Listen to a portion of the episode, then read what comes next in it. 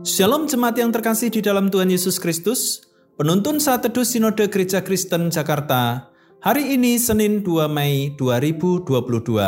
Judul renungan Bait Allah yang hidup. Terambil dari surat Efesus pasal 2 ayat yang ke-22 mengatakan demikian, di dalam Dia kamu juga turut dibangunkan menjadi tempat kediaman Allah di dalam roh.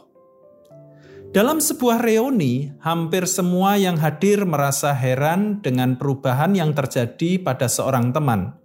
Dulu ia dikenal sebagai murid yang sangat egois, bandel, dan temperamental. Kini ia datang dengan pembawaan yang sangat kalem. Bahkan ia memberi ide menggalang dana untuk membantu rekan yang mengalami pergumulan. Ia memberikan donasi yang tak sedikit ia juga langsung terjun ke lapangan untuk membantu rekan yang membutuhkan.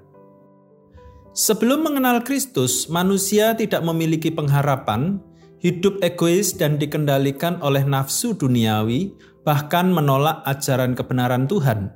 Namun kondisi itu dapat berbalik setelah mereka ada di dalam Kristus. Pengorbanan Kristus menjadikan manusia beroleh status baru sebagai anggota keluarga Allah – Orang percaya akan dibangun menjadi bait Allah yang hidup dan menjadi kediaman Allah di dalam roh. Roh Kudus membuka mata hati sehingga umat boleh memahami bahwa tujuan hidupnya adalah memuliakan Dia. Memiliki kasih terhadap saudara seiman dan hidup bersama dalam persekutuan yang indah, serta saling membangun sebagai sesama anggota keluarga Allah. Ironisnya, Kadang orang enggan meninggalkan tabiat dosa sekalipun mereka mengklaim diri sebagai orang percaya. Mereka merasa layak disebut sebagai bagian keluarga Allah karena sudah mengaku dengan bibir sebagai orang percaya.